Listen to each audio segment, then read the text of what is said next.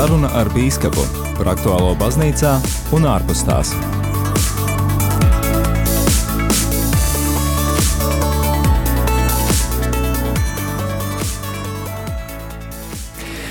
Esiet sveicināti, mīļie radio Marija Latvija klausītāji!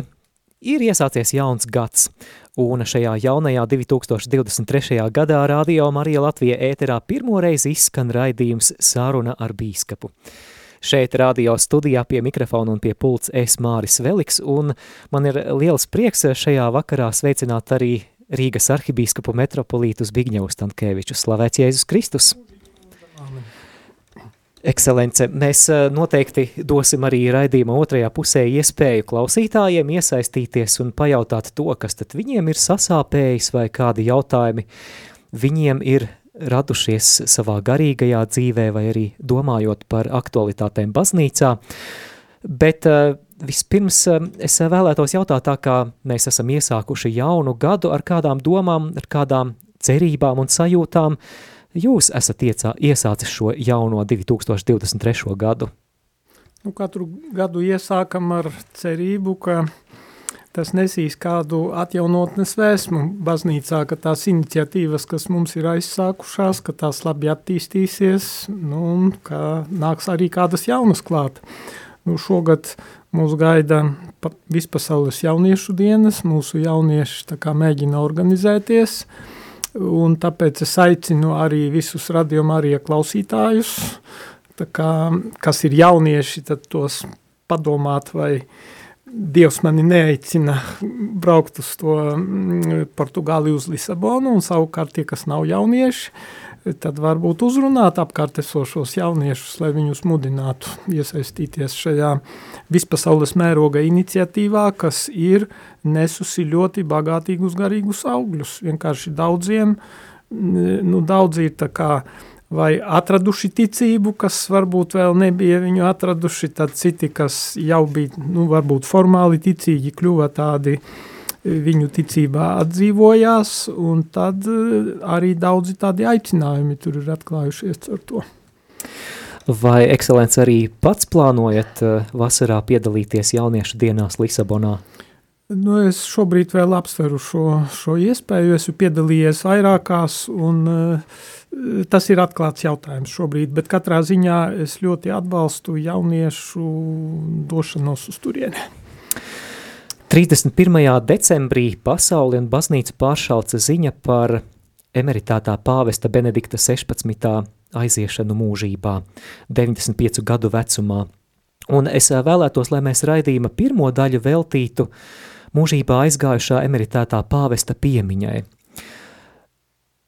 Ko jums nozīmē Benedikta 16. personība un kā jūs vērtējat viņa ieguldījumu baznīcā? Es ar viņu saskāros tad, kad eh, bija mūsu bīskapu vizītē Limina Romā, un es biju tulkotājs viens no, tulks viens no, eh, vienam no bīskapiem, un tad varēja tā, tā būt tuvu klāt to, cik tur stundu man liekas eh, ilga tā saruna, ka no viņa staroja tāds siltums un vienkāršība. Un es arī dzirdēju divas viņa uzstāšanās eh, simpozijos Laterāna Pontificālajā universitātē, un viena, viens simpozijas bija veltīts Jāņa Pāvila otrā encikliku nu, tādam apkopojumam, un otrs bija veltīts morālteoloģijas jautājumiem. Un um, abas tās viņa uzstāšanās, tās bija pārsteidzoši vienkāršas, dziļas un visaptverošas, ka es pēc tam uh, tā sapratu, ka neskatoties uz to, ka man bija daudz nu, pienākumu tur studijās un laika deficīts, es sev pateicu, ja es neuzrakstīšu rakstu, jeb nu, atreferējumu par šiem simpozijiem un pirmām kārtām par e, to, ko teica toreiz vēl kongrega, ticības doktrīnas kongregācijas prefekts, nu tad Latvijā uh, teiksim, nu, tas neizskanēs, līdz ar to es ķēros klāt un uzrakstīju vienā gadījumā un otrā gadījumā rakstiņu, lai padalītos nu, ar, tām, ar tām domām, ar to patiesību, ko viņš, tur, ko viņš tur pauda. Tā ka mani ļoti ir uzrunājusi viņa vienkāršība, dziļums un viņa ārkārtīgā kompetence nu, tajos jautājumos, kurus viņš apskata. Galu galā viņš jau bija arī tas, kurš atsaucoties uz pāvesta Jāņa Pāvila otrā aicinājumu sagatavot katoliskās baznīcas katehismu. Viņš bija tas, kurš, saka, turēja tur roku uz pulsa un to, to darbu visu vadīja. Tālāk nu, viņš ilgus gadus bija ticības doktrīnas kongregācijas prefekts, respektīvi pāvesta patiesībā labā roka ticības jautājumos. Un arī tā, nu, arī tā literatūra, es piemēram vēl kā inženieris, vēl pirms es iestājos seminārā, es izlasīju viņa ticības izklāstu, kur viņš, nu, katoliskās ticības izklāsts, kas ir tāds ļoti pamatīgs, ļoti dziļš, ļoti sistemātisks, kas nu, palīdz tev labāk saprast, nu, teiksim, tā ticības apliecību, vai ne? Vai arī, piemēram, viņa eshatoloģija, kas, man liekas, bija nu, viens no tādiem obligātajiem e, lasāmajiem darbiem e, semināra laikā, kad studēju teoloģiju. E, 31. decembrī jūs arī Facebookā nopublicējāt postu, kurā pieminējāt arī latviešu valodā izdoto triloģiju par, par Kristu, Jēzus no Nāceretes, un, un tad eh, noteikti arī klausītājiem ir vērts atgādināt, ka šī grāmata ir pieejama un arī ļoti vērtīga. Jā, šī grāmata ir pieejama latviski, to viņš uzrakstīja jau būdams pāvests, un patiesībā pāvests emeritus, Nu, iespējams, ka viņš to bija iesācis kaut kad agrāk, bet, nu, protams, viņam tad arī nebija laika, e, kad viņš e, jau bija amatā vēl. Respektīvi, tur ir tie divi, divi sējumi. Pirmais, pirmais, kas iznāca, tā bija Jēzus darbība līdz klusajai nedēļai.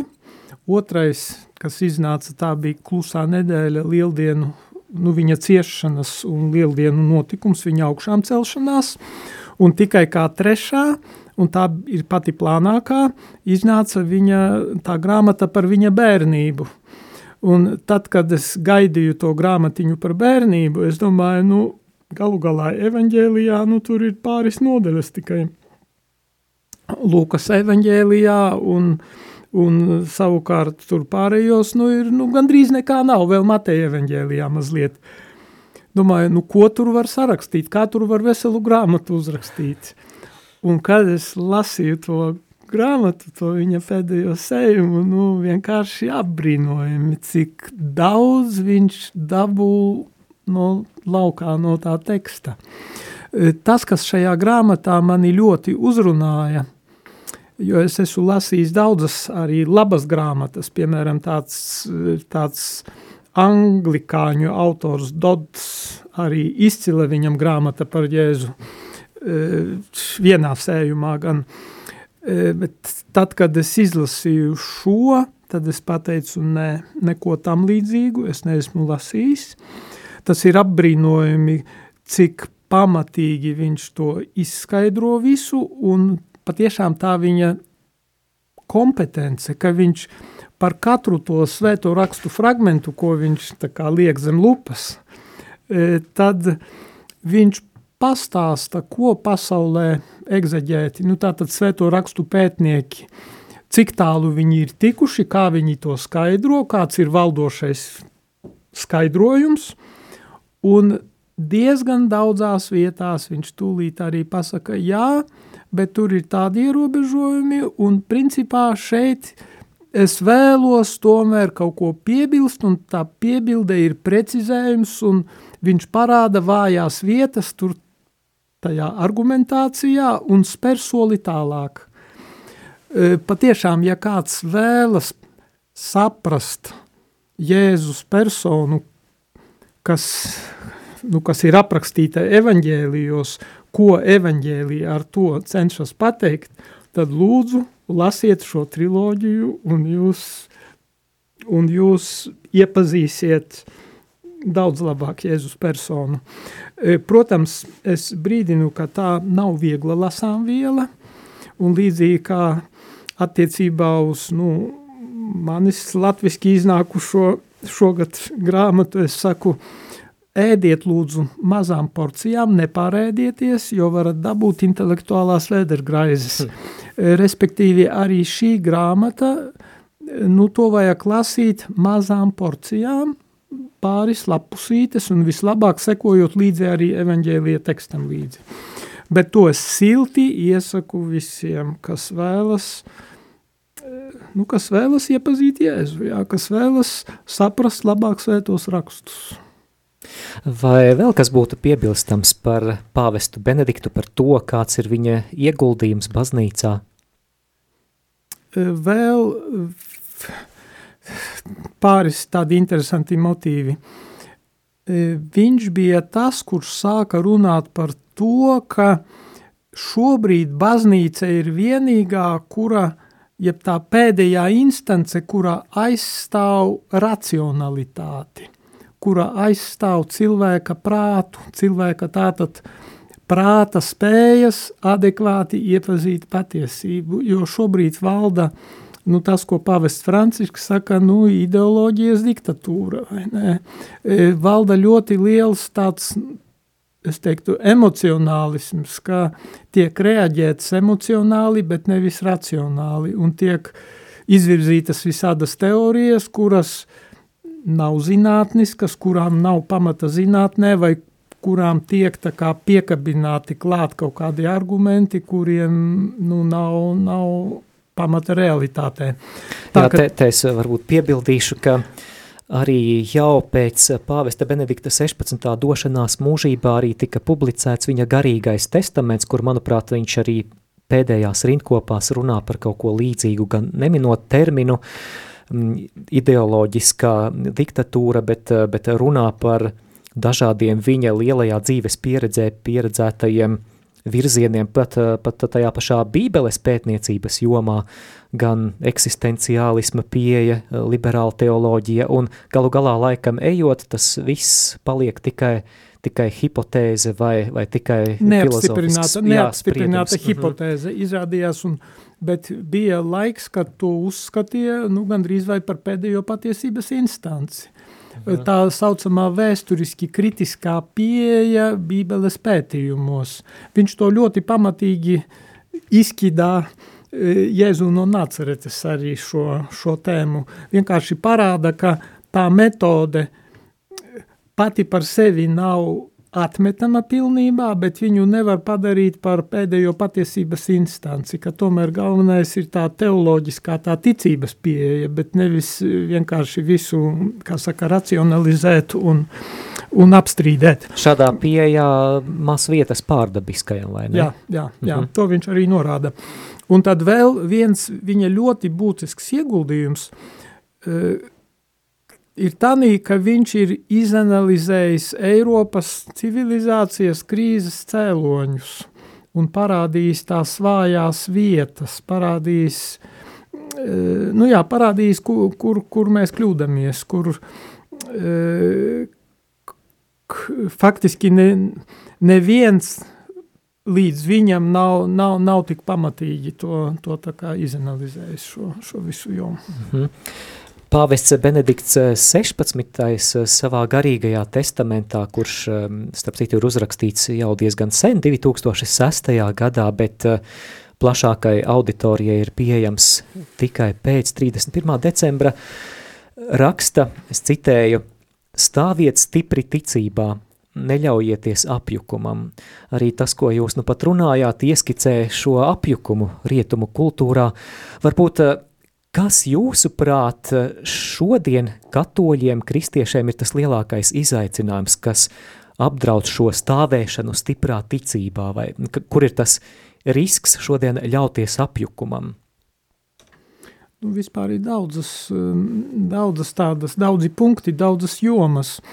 E, viens ir tas, ka e, patiešām ir svarīgi, kā, ka Dievs pirmajā vietā ir svarīga šī svētuma apziņa, sakruma apziņa, jo tad, kad cilvēkam ir dieva svētuma apziņa, tad viņš nepazaudē arī grēka apziņu, jo, kad pazaudē grēka apziņu, tad grēksūdze vairs nav vajadzīga, tad grēks vai, vairs nav grēks, tas ir tikai kaut kāda, nezinu, kļūme vai, vai, vai pieļaujamā vājība un tā, respektīvi, tā, tas, ka Dievs pirmajā vietā un tālāk, ka tā ir arī, ka, ka es nevaru būt ticīgais tikai būdams tā kā atsevišķi nevaru tā saiknē ar Dievu, ja es neesmu saiknē ar maniem brāļiem un māsām ticībā, ar ticīgo kopienu, ar baznīcu, ka tā ticība aiziet kaut kādās il ilūzijās, ne? Tā, ka tā, tā iesakņotība baznīcas kopienā un tālāk nākošais solis jau ir, kas, kas ir ļoti būtisks, mēs te vairāk jau pie tā horizontālā tad pārējiem, e, nu tā ir ģimene. Tas lielais izaicinājums ir ticīgajiem kristiešiem, katoļiem, tas ir apzināties to, ka ģimene ir Dieva dibināta institūcija, kuras pamatā ir vīrieša un sievietes savienība, laulība, un ka tas ir sakraments – un ka tas ir uz mūžu, ka tas nav, nav šķirams, ka šobrīd tā, tas pamats strāvojums mūsu tajā masu kultūrā ir tāds, ka nē, tas ir pagaidu, pagaidu veidojums, ka šodien es varu dzīvot ar vienu, ja man nesanāk, es varu pamainīt tā saucamo partneri, dzīvot ar otru, un tas, ja no katra pa bērnam rodas, tad arī tā nav nekāda problēma, Eh, bet patiesībā šeit, nu tātad Dieva plānā tā ir institūcija, kas ir uz visu mūžu, tā ir savienība, jo bērnam jau arī ir tiesības, un bērnam ir tiesības uz to, lai viņam būtu tēvs un māte, kas viņu pavada līdz pieaugušam vecumam, un patiesībā arī tad, kad viņš ir pieaudzis, tas jau neatbrīvo viņa vecākus no uh, no tā, lai viņi turpinātu mm, pastāvēt laulībā, jo tie ir vienkārši dažādi etapi viņu nu, garīgajā attīstībā. Jā. E, tātad šī, šī apziņa par ģimenes institūcijas svētumu, nešķiramību, mm, šī apziņa par, par bērna tiesībām, bērna tiesībām un to, ka uh, viņam ir šī neizmērojamā vērtība no ieņemšanas brīža mātes miesās, un ka viņš jau ir aizsargājams. Lūk, šis ir, šis ir liels izaicinājums, jo tas masu kultūras spiediens ir milzīgs, un, nu, diemžēl arī arī ticīgo vidē, tad atskan tās balsis, jā, kāpēc nē, man ir tiesības uz laimi, man ir tiesības uz, uh, uz to, lai, lai nu, kaut kā pielāgotos pasaulē.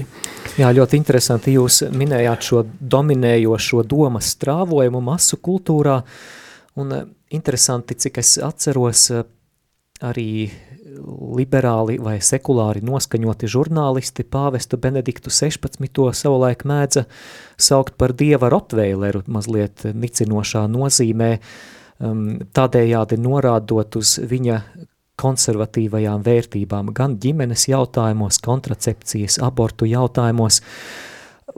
Kāda ir jūsu prognoze, vai nav tā, ka gadiem ejot um, būs vēl, vēl lielāks konflikts vai pretstāve starp šo mm, mūsdienu liberālo domu uh, un, un uh, baznīcas vērtībām? Vai nav tā, ka mums uh, kādā brīdī būs jānoiet katakombās? Diemžēl šobrīd tas process attīstās tajā virzienā, ka konflikts sāsinās, protams. Un ja mēs tā mēģinam tā kā pagarināt, tad ar to ir jārēķinās, ja mēs mēģinām pagarināt kā šo līkni. Jo tā ir, ka nu, tā patiesība, ko sludina baznīca, tā ir traucējoša un nepatīkama tiem, kuri dzīvo savādāk, tāpēc viņi vēlas aizvērt muti un diskreditēt vai apklusināt gluži vienkārši tos, kuri, nu, kuri stāsta par Dieva plānu. Protams, ir tādi, kuri saka, nu ko mums Dievs, es neticu un es tur dzīvošu pa savam. Nu, dzīvo.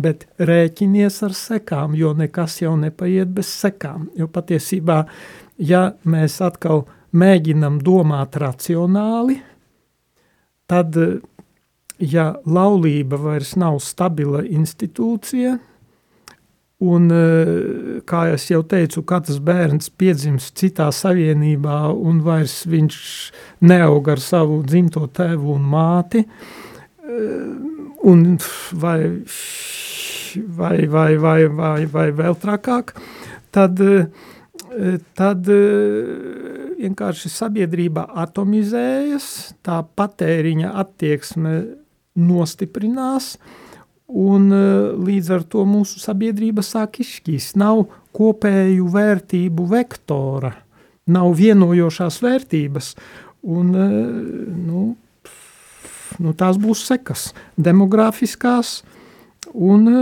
patiesībā valsts arī pastāvēšanas jautājums tad uh, kļūst aktuāls. Līdz ar to tā ir, tā ir mūsu misija, tas ir mūsu pienākums atgādināt par Dieva plānu attiecībā uz, uz ģimeni. Un jā, tā ka šis konflikts, diemžēl, līdz šim viņš ir tikai sāsinājies. Mhm. Klausītājiem un arī skatītājiem YouTube un arī mūsu Facebook lapā vēlos atgādināt, ka skan raidījums saruna ar bīskapu, un šovakar pie mums viesos ir Rīgas metropolīts arhibīskaps Zbigņevs Stankēvičs, un raidījuma ievadā mēs eh, uzkavējamies pārdomās un atmiņās par nu jau mūžības lieksni pārka, pārkāpušo emeritēto pāvestu Benediktu 16.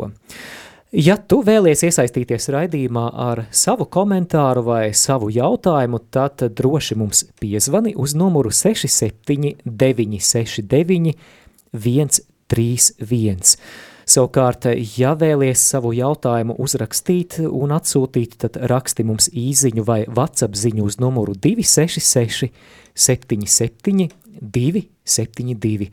Protams, arī e-pasta iespēja ir tavā rīcībā studija – at rml.lv. Bet uh, emeritātā pāvesta Benedikta 16. bēres notiks jau šo ceturtdienu, 5. janvārī, un uh, arī Radio Marija Latvija ēterā no Romas tam varēs sekot līdzi no pulksten 10.30. Uh, vēlējos jautāt šādu lietu, jo ir daudz spekulācijas izskanējušas, uh, Ir skaidrs protokols, kā baznīcā rīkojās valdošā pāvesta nāves gadījumā, bet, nu, aizejot mūžībā emeritētajam pāvestam, ir izveidojusies unikāla situācija, un daudz tiek spekulēts, kāds tad varētu būt, piemēram, bēru rituāls, vai Benedikts 16. tiks izvadīts kā pāvests, vai tomēr nē? Varbūt ir kāds komentārs. Tas unikālais uh, aspekts ir, ka bēres vadīs pāvests šoreiz, jo parasti jau Jā. viņu izvada uh, kardinālu kolēģijas dekāns, piemēram, tas bija Ratzingers, kad nomira Jānis Pāvils II. Uh, šobrīd uh, kardinālu kolēģijas dekāns ir uh, Giovanni Battista Re, Viņš bija bīskapu kongregācijas uh, vadītājs pirms, pirms kāda laika, pirms viņš aizgāja pensijā. Bet šobrīd tas būs pats pāvests, un atšķirība ir tādā, ka uh, protokols nebūs, tās nebūs valsts bēres tā saucamās, jo valsts, valsts valsts galva ir val, valsts, valsts kategorijas bēres, tad ir, ja kā saka, nu, vai karalis, vai prezidents, vai kāds no valdošajiem? Tad, ja būtu ak, nu, valdošais pāvests, teiksim tā, jeb kalpojošais pāvests, tad, tad būtu tas valsts protokols, un tad tie valstu vadītāji, kuri piedalās bērēs, viņi pārstāv savu valsti. Šobrīd, tā kā šis protokols nav, tad viņi var piedalīties, bet kā privāti personas, bet nevis kā savu, savas valsts vārdā. Tas būtu viens, e, tad, mm, e, tad pats e, pāvests Benedikts, viņš vēlējās, lai tās bēres būtu vienkāršas, bez kaut kādas tur pompozitātes, bet principā Bet, principā, nu, tās jau ir tādas, es teiktu, formālas nianses, kuras lietas būtību neizšķir, jo svarīgi ir, ka ir svētā mise, ir, ir bēru ceremonija, nu, tās ir, var teikt tā, ka, tā, ka tās ir vienkārši nianses, kas, e, kas, kas e, šajā brīdī E, teiksim, ir. À, un tad vēl ir viens moments, ka nebūs e, tā saucamās e, deviņas dienas, deviņu dienu liturgiskās ce, nu, celebrācijas, liturgiskie liturgiskās lūkšanas, kas parasti ir tad, kad ir nomiris nu, pāvests, kurš ir amatā. Uh mhm. Ka tas te nebūs. Nu, tā ka tās ir tikai dažas nianses, bet būtība no tā jau nemainās. Es, piemēram, tai pašā dienā, kad es izdzirdēju šo vēsti, es tūlīt arī, man vēl svētā mise nebija nosvinēta, es aizgāju kapelā un par aizgājēju nosvinēju svēto misiju, kā saka, lai Dievs viņu pieņem savos mājokļos, un arī eh, šodien mums arī bija manu tuvāko līdzstrādnieku uh, pulkā bija lūkšana, mēs lūdzāmies arī par aizgājēju un, mm, nu, un runājām par to, ka ceturtdien piedalīsimies attālināti, sekosim attālināti, eh, ja piedalīsimies šajās bērēs attālināti. Un eh, nu, mūsu baznīcu Latvijā pārstāvēs uh, Romā studējošais priesteris, kas ir doktorants, kas no, noslēdz savas doktorantūras studijas, un arī Vatikāna radio darbinieki. Mm. Skaidrs, paldies, ekscelence. Atgādinu klausītājiem, ka priekšroka ir jūsu komentāriem un jautājumiem, tādēļ droši mums zvaniet uz numuru 67 969 131 bet īziņas un vatsapziņas rakstiet uz numuru 266 77 272. Studijas e-pasts studija at rml.lv.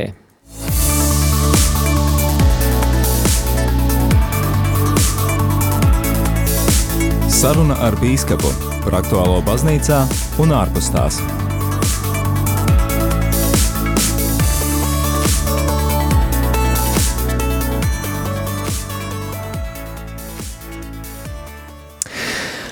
Pirmais janvāris nav tikai jaungada diena, bet eh, nu jau 56. reizi arī tika atzīmēta Pasaules miera diena. Pasaules miera diena, ko savulaik iedibināja pāvests Pāvils VI. Un eh, pāvests Francisks Pasaules miera dienas vēstījumā runā galvenokārt par divām krīzēm, par Covid-19 pandēmiju un, protams, arī par karu Ukrainā, kam sekojam līdzi. Kas jums, ekscelence, šķiet tas svarīgākais šajā vēstījumā, vai, vai bija iespēja arī pašam iepazīties? Jā, es to izstudēju, to vēstījumu. Diemžēl nav latviskā tūkojuma, bet nu, Vatikāna mājas lapā, tur, kur ir zem pāvesta Franciska, kā saka, dokumenti izdotie, tur ir tāda sadaļa vēstījumi, jāiet tajos vēstījumos, un tur ir vēl apakšsadaļa vēstījumi miera dienai. Tad, nu, Vatikāna, jā, Vatikāna radio lapā var pārstāsta veidā, raksta veidā par to arī klausītāji jā, izlasīt. Jā, nu es vēlējos tomēr, mm -hmm. kā saka, aiziet pie oriģināla, to izstudēju, un tad arī janvārī pirmajā eh, katedrālē es tad arī nu, savā homīlijā atreferēju šo, ah. šo vēstījumu, izlaižot caur sevi, protams. Nu jā, tas būtiskais ir, tātad pirmie tie divi punkti, kā jau Māri teici, ka viņš runā, ka nu, bija tie pārsteigumi, ka sākumā mūs pārsteidza Covid krīze, jo pirms tam likās, ka nu, mēs dzīvojam jau stabilā, sakārtotā pasaulē, viss tikai attīstīsies vienmēr labāk, labāk, labāk, labklājība augs, tāda tā bija doma, un tad pēkšņi nāca Covid krīze, kura skāra uh, faktiski visos līmeņos, arī bagātākos, arī pārtikušākās valstis, pat stiprāk patiesībā. Daudzas tika kā skartas no tā. Nu jā, un kad likās, ka labi, Covid krīze jau tā kā iet uz beigām, nu atkal atgriezīsimies pie mier, mierīgas eksistences, un te pēkšņi kā zibens spēriens no skaidrām debesīm karš. Jā, un tagad pāvests analizē, nu kas ir vajadzīgs, kas ir vajadzīgs, Viņš saka, attiecībā pret e, covidu atrada vakcīnu, bet pret karu, diemžēl, vakcīnas nav. Neesam atraduši vēl vakcīnu, bet nu, svarīgi ir apzināties, ka karš sākas cilvēka sirdī, un ka katrs no mums var dot kaut kādu savu ieguldījumu e, tā kara, tādā ļoti plašā nozīmē, kara pārvarēšanā, jo e, nu, pavests tur uzsver, ir tāds vien, e, viens atslēgas vārdiņš, es to arī ieliku sociālajos tīklos, teiksim, atreferējot šo ļoti īsi vienā teikumā šo vēstījumu, ka atslēgas vārds ir kopā, ka tās problēmas, kuras ir mūsdienu sabiedrībā, un tas ir ne tikai mūsu teiksim, baznīcas kopienās, draudzēs vai Latvijas mērogā, bet arī pasaules mērogā, ka to mēs varam tikai kopā, pārvarēt tikai kopā. Un te pāvests atsaucās uz to Covid laika krīzi. Viņš saka, ka visauglīgākie bija tie pūliņi, tad, kad dažādas starptautiskās organizācijas, dažādas valstis, ka, kad apvienoja pūliņus – un mēģināja kā, kopā stāties nu, šim, šim slimības radītājiem izaicinājumam. Un mēs redzam tāpat arī kara gadījumā. Faktiski tikai visa pasaule kopumā var ietekmēt nu, to, to, kas tur notiek Ukrainā, un patiesībā mēģināt kā, noslāpēt tās kara liesmas. Tā ka kopā, kopā, ka neviens no mums nav atsevišķa saliņa Tas ir attiecībā uz ticības dzīvi, bet tas attiecībā vispār arī uz mūsu nu, cilvēcības īstenošanu. Ne? Neviens nav izolēta sala. Jā, šis atslēgas vārds kopā, un eh, šķiet arī, ka, manuprāt, kara cēloņus kaut kādā ziņā var arī aplūkot caur šo prizmu, ka pietrūkst šīs kopā domāšanas. Tātad mēs te paši par sevi uh, bet uh, neesam kopē, gatavi un, kopā meklēt risinājumus. Un kopējā labumā arī tad aspekts, jā, jā. jo ja kopā, tad es domāju, kas ir labs ne tikai man, bet kas ir labs arī priekš citiem, priekš maniem tuvākajiem, un, un teiksim, kara gadījumā, nu tur ir ļoti egoistiska tā pieeja, jo tad kas labs ir man, kas labs ir manam klanam, manam, manam grupējumam, manai partijai, Un e, varbūt arī manai valstī, kaut arī šobrīd nu, to ļoti ir jā, jāapšauba, vai tas ir labs priekš tās valsts, kura uzsāka, konkrēti mm. Krievija, kura uzsāka šo, šo karu. Jau minējāt, ka pāvests Francisks savā vēstījumā miera dienā raksta par to, ka ir izgudrota vakcīna pret Covid-19, bet pret karu diemžēl nav izgudrota. Uh, Ekscelencija, ja jūs eh, sekojat līdzi notikumiem Ukrainā, tad eh, jūs vairāk esat eh, pesimists vai optimists tajā, kā viss varētu attīstīties? Nu, mēs bijām optimisti līdz 24. februārim, jo neviens neticēja, ka karš varētu sākties, bet mm, karš tomēr sākās. Tagad arī es ceru, ka nenotiks vēl kaut kāda eskalācija, Es ļoti ceru, bet vienmēr ir jārēķinās ar to, ka var notikt arī kaut kas ļaunāks, diemžēl. Jā. Vai šo miera tēmu mums un arī radio Marija klausītājiem vajadzētu kaut kur savās lūkšanu prioritātēs pacelt augstāk? jā, tas ir viens no, viens no tiem punktiem, kādā veidā es varu pielikt savu roku, lai tas miers e, tuvotos. Es, piemēram, katru dienu savā lūkšanā ietveru šo, šo nodomu, šo, šo saucienu uz Dievu e, par mieru Ukrainā, par Krievijas atgriešanos, e, nākšanu pie prāta, no kara neprāta, un lūdzu, lai Dievs iegremdē savā žēlsirdībā Ukrainu, Krieviju, un pēdējā laikā arī esmu sācis lūgties par Armēniju un tā kā pieķeru klāt arī Azerbaidžānu, jo, diemžēl, tas Karabahas konflikts, tas arī tāds ļoti sāpīgs, ļoti, ļoti sāpīgs. Dargie radio klausītāji, nu ir pienācis laiks arī jūsu jautājumiem. Jau esam saņēmuši dažus jautājumus, kurus tūlīt arī ar arhibīskapu metropolītu Zbigņevu Stankēviču pārunāsim. Bet, ja skaties šo raidījumu video formātā Facebook lapā Radio Marija Latvija, tad eh, būsim no sirds pateicīgi, ja ieliksiet īkšķīti, uh, vai ierakstīsiet arī kādu komentāru, jo tas radio Marija ēteram palīdzēs aizsniegt arī tos, kas ikdienā radio neklausās, un no sirds jau liela pateicība. Arī savus jautājumus vai komentārus droši arī varat arī sociālajos tīklos komentāru sadaļā atstāt, un tad centīsimies arī tos ēterā nolasīt. Bet um, mums ir šāds jautājums.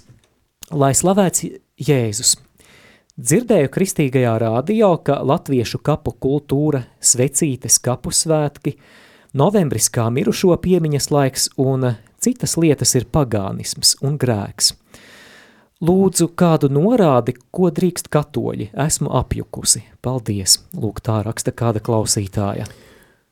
Nu, tas nāk šāds uzskats no mūsu brāļiem protestantiem, kuri, kuri neatzīst uh, lūkš, lūkšanu par aizgājējiem, jo gan katoliskajā, gan arī austrumu rita vai pareizcīgajās baznīcās ir, ir tā kā balstoties pirmām kārtām tas ir uz makabiešu grāmatā, kura ir tā saucamā deuterokanoniskā grāmata, tur ir skaidri un gaiši pateikts, ka pēc vienas no kaujām, kur Jūda Makabejs, e, kad viņš tur cīnījās pret tiem e, hellēņu, hellēņu karavadoņu sūtīto karaspēku, ka tad krita kaujā e, daži no tiem jūdiem, un tad, kad, tad, kad kā apskatījās, kas viņiem bija klāta, tad viņiem atrada elku, nu, kaut kādu tur, kaut, kādu, kaut kādus talismanus, kaut kas tāds, kas nāca no, no pagānisma, vai ne? Un tad Jūda Makabējs teica, ā, nu jā, tad viss skaidrs, tad lūk, šis bija tas iemesls, kāpēc, nu, kā Dievs pieļāva, ka viņi, ka viņi krīt kaujā, bet tad, ko viņš izdarīja, ka viņš tad, kā, aizlūdza par viņiem, viņš salika par viņiem upurus, un tālāk tur ir tāds, tāda piebilde tajā, tajā svēto rakstu tekstā, jo šīs grāmatas, deuterokanoniskās grāmatas, e, katoliskajā baznīcā skaidri un gaiši viņas ir pasludinātas, ka tās ir Dieva, kā saka, atkl, satur Dieva atklāsmi un ka uz tām var droši balstīties. E, pareizcīgo baznīcā viņas sauc par nekanoniskajām, bet viņas arī ir tiek atzīta viņa autoritāte.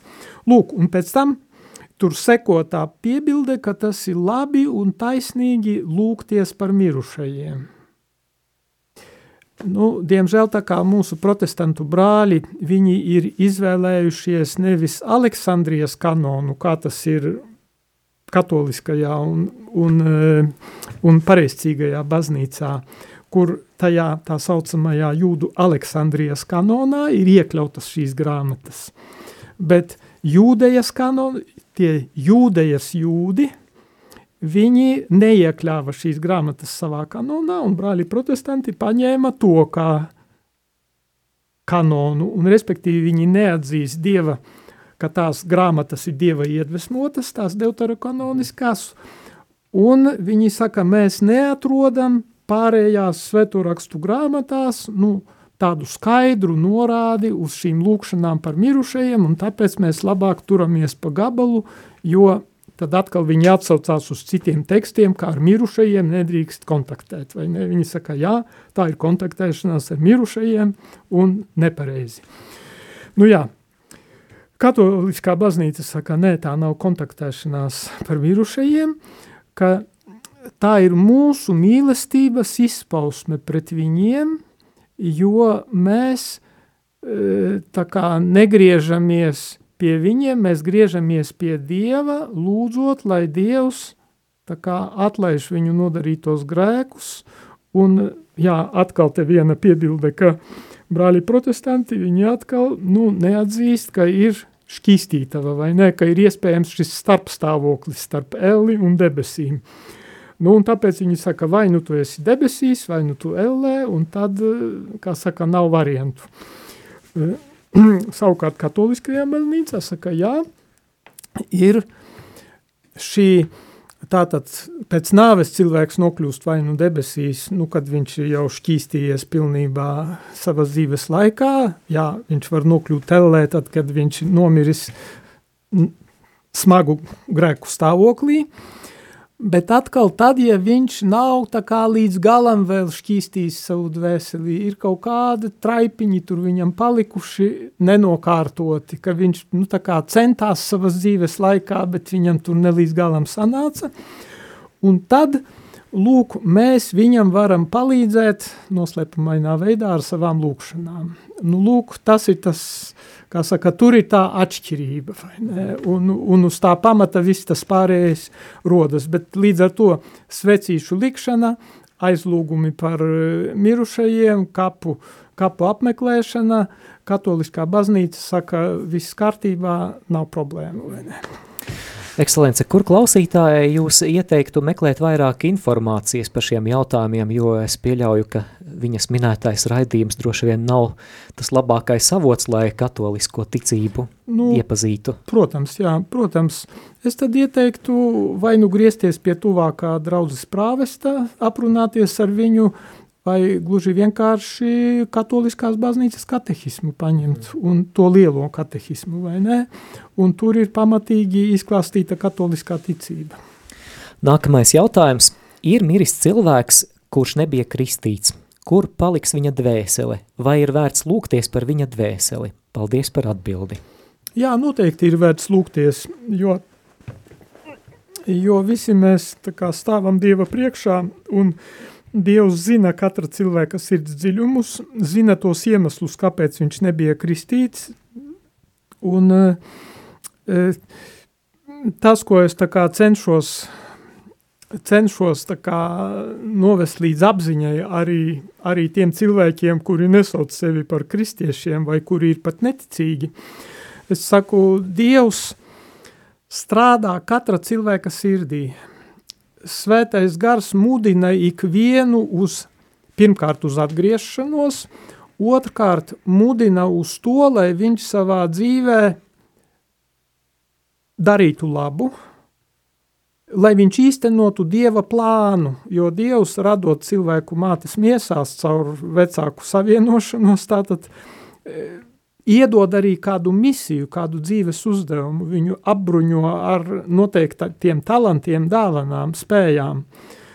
Un e, pat ja cilvēks nav bijis kristīts, viņam šī misija, kaut kāda misija viņam noteikti bija, vai ne, un Dieva gars strāda, mudināja viņu īstenot šo misiju.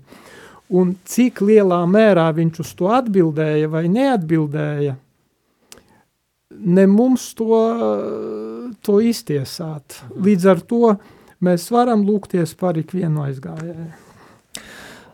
Nākamais jautājums no ēpasta. Jautājums arhibīskapam. Slavēts Kristus.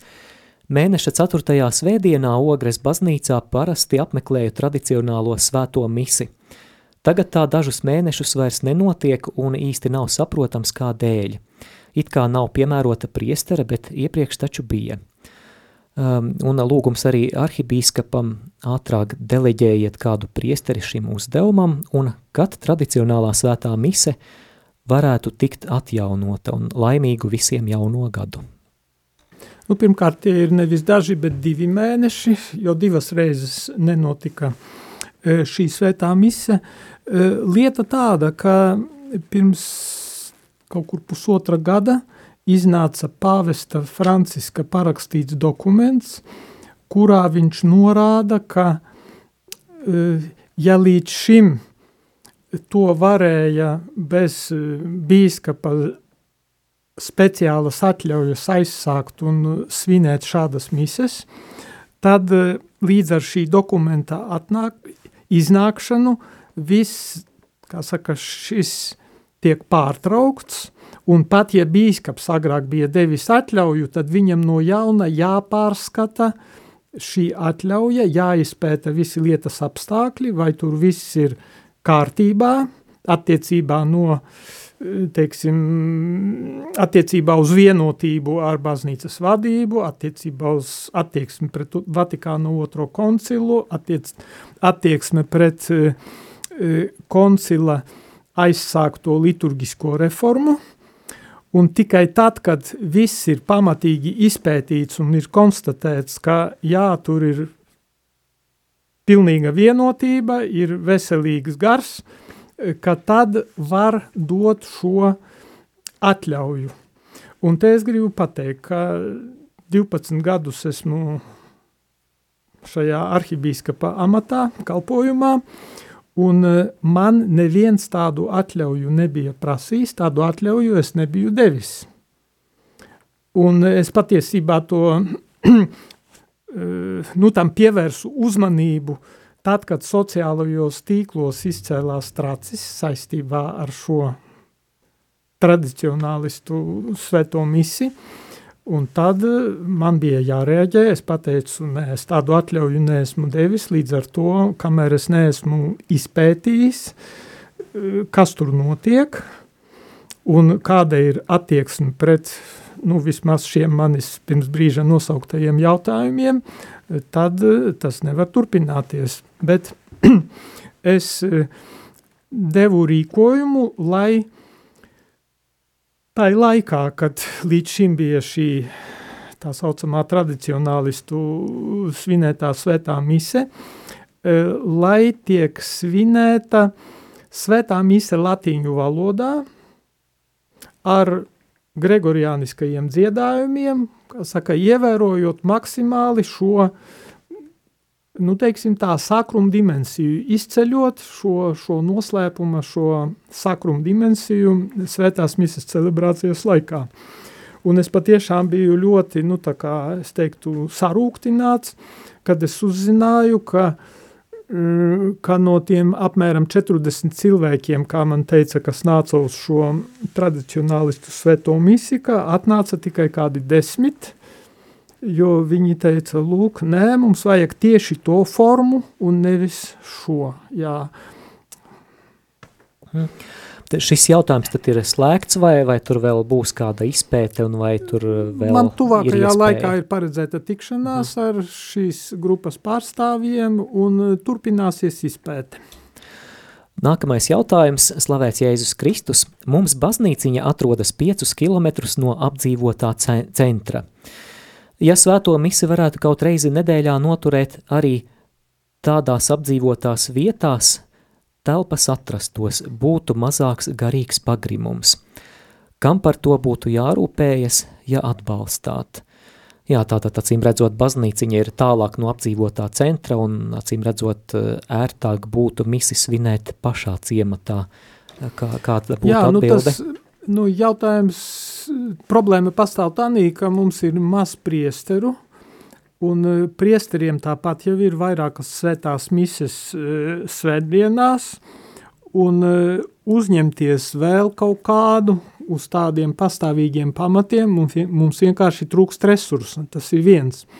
Un līdz šim mums ir bijis tā, ka, ja piemēram atnāk, nu, nezinu, kādi 40 cilvēki vai 30 tad mēs cenšamies kaut kādā veidā tomēr turpināt to visu. Bet man ir tādi signāli, ka, piemēram, ir vietas, kur nu, agrāk bija cilvēki, un tagad atnāk divi, trīs cilvēki vai, vai viens, nu, tad, lai viņš iesēžas mašīnā vai transportā un aizbrauc uz tuvāko vietu, kur ir svētā mise, vai arī nu, kaut kā mēģina saorganizēties. Nu, mēs cenšamies rast kaut kādu tādu saprātīgu līdzsvaru, jā, jo attiecībā uz šo gadījumu tad es gribētu zināt, kas tā ir par vietu un cik tur cilvēki būtu gatavi nākt. Mhm.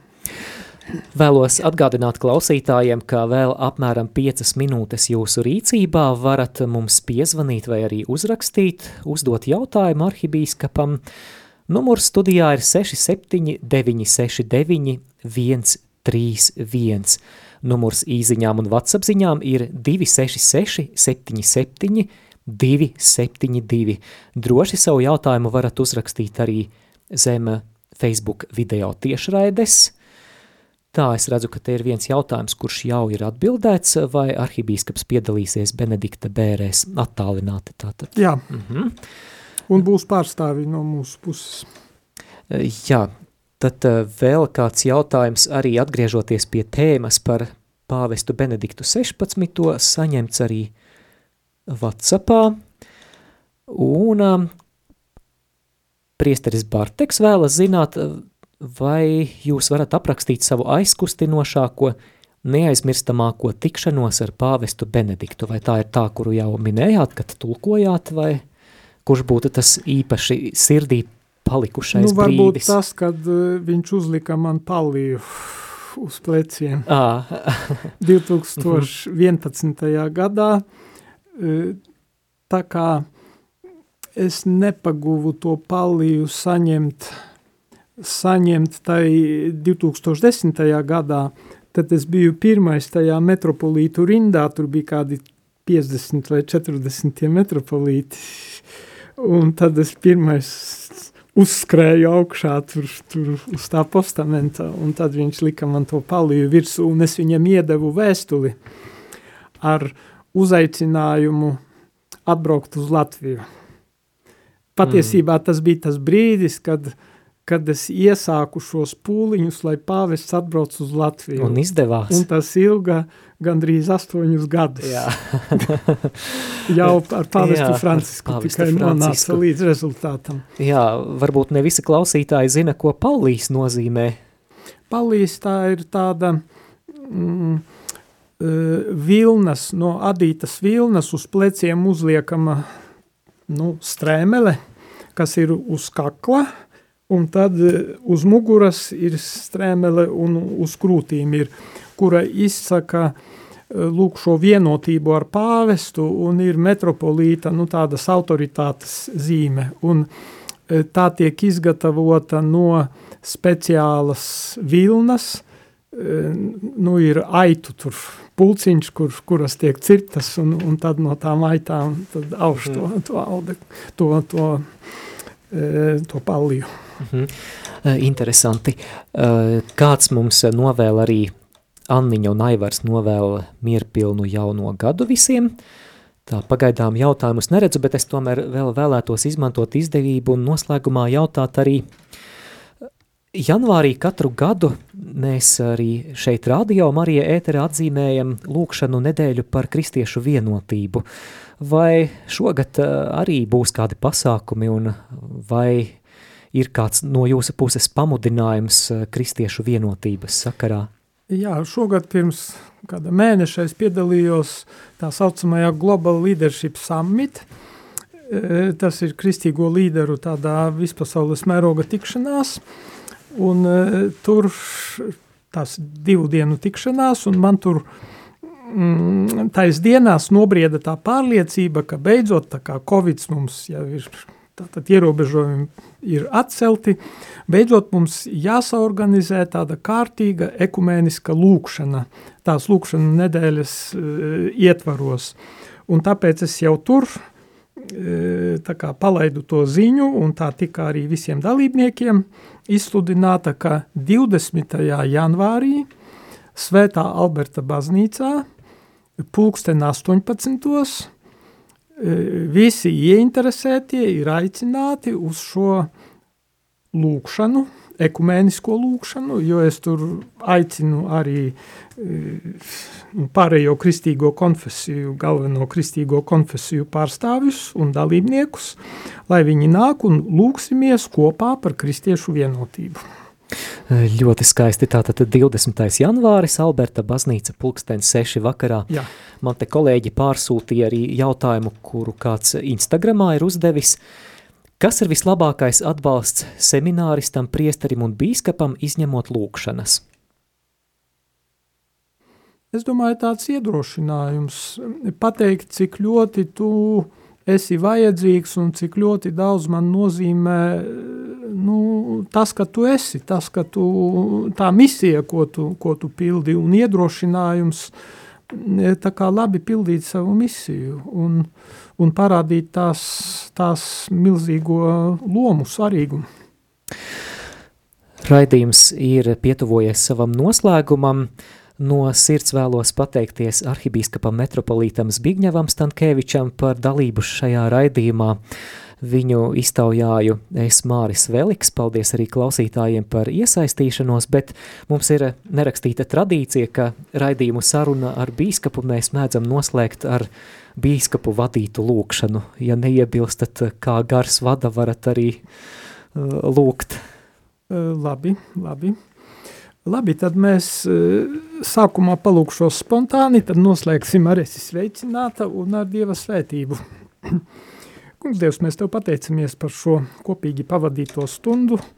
Mēs lūdzam, lai Tu tās laikā ies, iesēto sēklu, lai Tu ļautu tai uzdīgt, uzaugt, nobriest un arī nest augļus.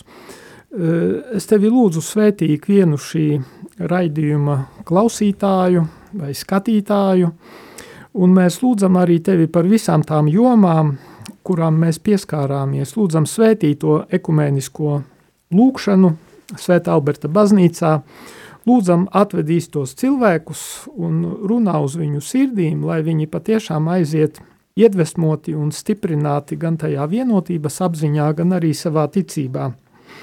Tāpat atdodam tev, kungs, arī priekšā stāvošās pāvesta Benedikta bēres, lūdzam svētītās, un lai arī tās ir par tādu ticības liecību, par tādu garīgu impulsu visiem tiem, kuri, kuri tām sekos. Tāpat atdodam tev arī, kungs, priekšā stāvošās vispasaules jauniešu dienas, lūdzam runā uz jauniešu sirdīm un aizved uz turieni patiešām visus tos, kuru ticību tu vēlies tur stiprināt un kuriem tu vēlies atklāt viņu aicinājumu. Un mēs arī piesaucam visvētākās jaunavas Marijas aizbildniecību, kuras jaunavas Marijas viskarstākā vēlēšanās ir, lai visi viņas bērni, vai, lai visi baznīcas locekļi, visi ticīgie, visi kristieši, lai viņi un arī neticīgie, lai atzīst viņas dēlu, lai pieņem viņas dēlu kā pasaules, savu personīgo un pasaules pestītāju. Esi sveicināta Marija, žēlastības pilnā, kungs ir ar tevi, tu esi svētīta starp sievietēm, un svētīts ir tavas miesas auglis Jēzus. Svētā Marija, Dieva māte, lūdzi par mums grēciniekiem, tagad un mūsu nāves stundā. Amen. Dievs kungs, lai ir ar jums. Kungs ir ar tevi. Lai kunga vārds ir slavēts. No šī laika un mūžīgi. Mūsu palīdzība ir kunga vārdā. Kas ir radījis debesis un zemi. Un lai svētī jūs visvarenais Dievs tēvs un dēls un svētais gars. Amen. Slavēsim kungu. Pateicība Dievam. Izskanēja raidījums Saruna ar bīskapu par aktuālo baznīcā un ārpus tās.